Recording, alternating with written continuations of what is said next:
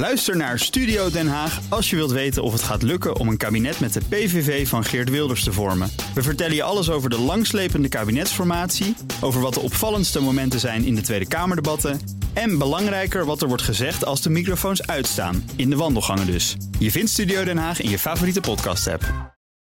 Over goede of slechte tijden gaat het vandaag. En dan heb ik het over onze rubriek met Marcel Beerthuizen van sponsoringadviesbureau Big Plans. Ik praat iedere woensdag met hem over ontwikkeling op het terrein van sport en economie. Vandaag gaat het over sportsponsoring. Marcel, welkom. Fijn dat je er bent. Ja, dank je Thomas. Jij sloeg een paar dagen geleden het FD open en je Ja. dacht het einde van mijn vak is nou bij, Ja, denk ik. geweldige kwaliteitskrant. Wat, wat schrijven die nou op? Ja, wat schreven die op dan De eigenlijk? gouden eeuw van sportsponsoring is afgelopen. Ja. En het is over. En hoe kwam dat nou? Er was donderdag een artikel in de krant. PwC stopt als sponsor van de KNVB. Dat hebben ze 29 jaar gedaan. Heel veel mensen eh, wisten dat niet, want het was ook amper zichtbaar. niet zeg maar de meest aansprekende sponsor qua activatie, maar die waren ermee gestopt. En dit was eh, voor de journalist, die ook wat experts aan, aan het woord liet, waaronder Jan Driessen.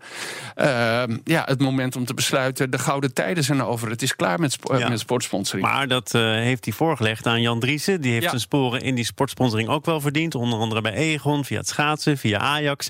Die kwam met allemaal opmerkingen over effectiviteit die er nauwelijks meer was. De risico's van sportsponsoring. En ik geloof dat hij zelf die quote eh, weer eh, aan de journalist toeschreef. Maar inderdaad, de gouden eeuw voor de sportsponsoring was voorbij. Klopt er iets van wat hij zegt? Nou, niet helemaal, want eh, dat is eigenlijk het leuke. De afgelopen weken zijn ongelooflijk veel grote contracten afgesloten door allerlei bedrijven. ING wordt sponsor van de Eredivisie Dames.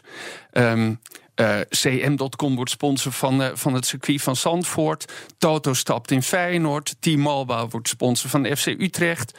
Ehm, eh, Tulpkeukens gaat het hockey sponsoren. Spar stapt in, in projecten. Dus er wordt ontzettend veel gesponsord. Wat Jan zei is, ja, social media heeft het eigenlijk allemaal veranderd. Heel veel bedrijven kunnen het niet meer uitleggen waar ze het geld aan besteden. En je kan geen mensen meer uitnodigen. Nou, voor sommige bedrijven, zeker dat laatste, klopt dat ook, hè, door allerlei governance regels.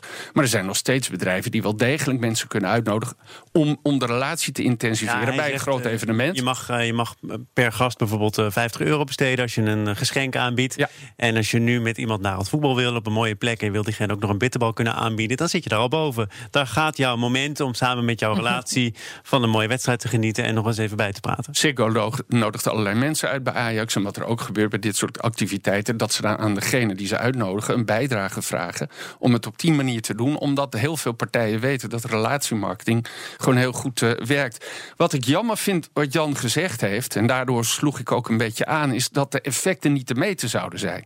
En dat social media er heeft, voor heeft gezorgd dat sportsponsoring stilstaat. Kijk, het is niet het tovermiddel voor al je problemen... maar de effecten van sportsponsoring kun je wel degelijk heel goed meten. Hè?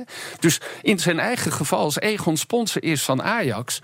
dan richt je op die, op die fans en op de liefhebbers van voetbal... en dan kan je de effecten die daar bewerkstelligt... heel goed vergelijken met wat er gebeurt met jouw merk... bij de mensen die niet van die club houden... of helemaal niet van voetbal houden. Dus er zijn heel veel manieren om, om sponsoring eh, op die manier te meten. En er zijn ook heel veel manieren waarom je sponsoring als merk wil inzetten. Als je het zou meten, dan zou je zou uit die meting kunnen blijken dat die relatie niet meer zo heel hecht is. Hij zegt, Ja. vroeger stond er Opel op het shirt van Feyenoord. Kochten mensen die supporter waren van Feyenoord, het legioen, kochten een Opel. Dat is niet meer zo. Eh, eh, de reden waarom mensen producten kopen en diensten kopen, dat is natuurlijk een veelheid. Het heeft met de prijs te maken, heeft soms met een impuls te maken enzovoort. Kijk, er zijn ook heel veel onderzoeken. Ik, ik heb bijvoorbeeld Bing Bang geadviseerd, sponsoring van het wielrennen. Dan zie je dat ze zich totaal richten op die groep die zelf op die fietsen zit. En dat die mensen daar op een andere manier het merk gaan kijken en ook in actie komen. Dus je kan soms wel degelijk eh, die verbinding leggen. Maar dat is, kijk, sales is niet de enige reden waarom je sponsoring zou willen inzetten. Kijk, wat het vooral is, we leven in de tijd van maatschappelijke betrokkenheid. Jan Driessen zegt, ja, ja, daardoor moet je stoppen met sponsoring. Maar het is juist een hele goede manier om te laten zien dat je betrokken bent. Dan hoef je misschien niet altijd het geld aan Ajax te geven waar heel veel verdiend wordt. Maar dan kan je zeggen, dan stoppen we dat juist in maatschappelijke projecten. Dat is, eh, eh, dat is een hele belangrijke reden. KPN doet het bijvoorbeeld omdat ze de NPS-score willen verhogen. Andere merken doen het gewoon wat de oude traditionele manier is. Om hun naamsbekendheid te vergroten. Maar, maar, maar, maar, maar Jan zegt, uh, daar zit ook een risico aan. hij concludeert dat als je nu uh, sponsor wil worden, dan moet dat zijn van een organisatie of een club die tot achter de haarvaten deugt.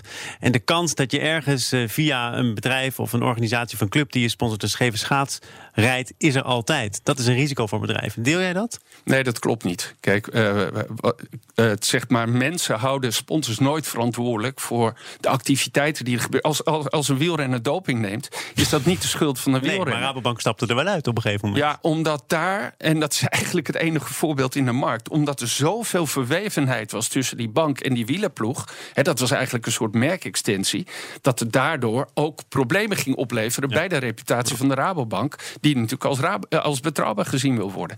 Maar in heel veel gevallen is daar, is daar helemaal geen sprake van. Jan Dries heeft het zelf meegemaakt, hè, met al die ellende die er toen was met de, met de fluwele revolutie van Cruijff. Ja. ja, daar hou je gewoon op de, hè, bij Ajax hou je op de achtergrond.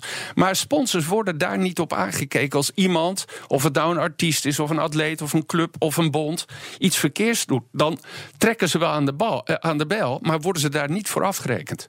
Ja, het is toch ook zo dat je als merk zijn en toch inderdaad wat je zegt, die verwevenheid, maar ook die economische verwevenheid. Want sportclubs die bestaan ook uh, voor een groot gedeelte door de sponsorgeld.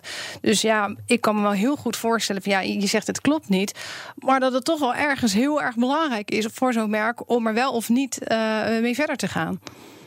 Eh, maar wat bedoel je daarmee? Dat, dat het niet zou passen of dat het niet zou dat kloppen? Dat je aan de voorkant heel goed kijkt als merk zijnde... of je er wel instapt en ja. in blijft. Oh nee, natuurlijk. En ik zei het al, het is niet het tovermiddel voor al je problemen. En vaak is het ook onder, onderdeel van een mix aan middelen. We hadden het over Opel. Heeft een Effie gewonnen, juist door allerlei activiteiten te doen... en daardoor als merk het ja. beter te doen. Dus daar moet je heel goed naar kijken. Wat wil je er precies mee bereiken? Maar het, het is alleen maar, gaat alleen maar over namensbekendheid... of het gaat... en je zou het niet kunnen meten. Nou, absoluut niet waar. Ik ben blij dat je het uh, eruit pikte, want ik las het ook en dit is er eentje voor Marcel. Zeker. Stelt niet teleur. Marcel Beerthuizen, tot volgende week. Tot dan. Ook Liesbeth Staats vind je in de BNR-app. Ja, heel handig. Luister live naar Kees en mij tijdens de Daily Move. Dan blijf je ook gelijk op de hoogte van breaking news en het laatste zakelijke nieuws. En daar vind je ook alle BNR-podcasts, waaronder de Perestrooikast. Download nu de gratis BNR-app en blijf scherp.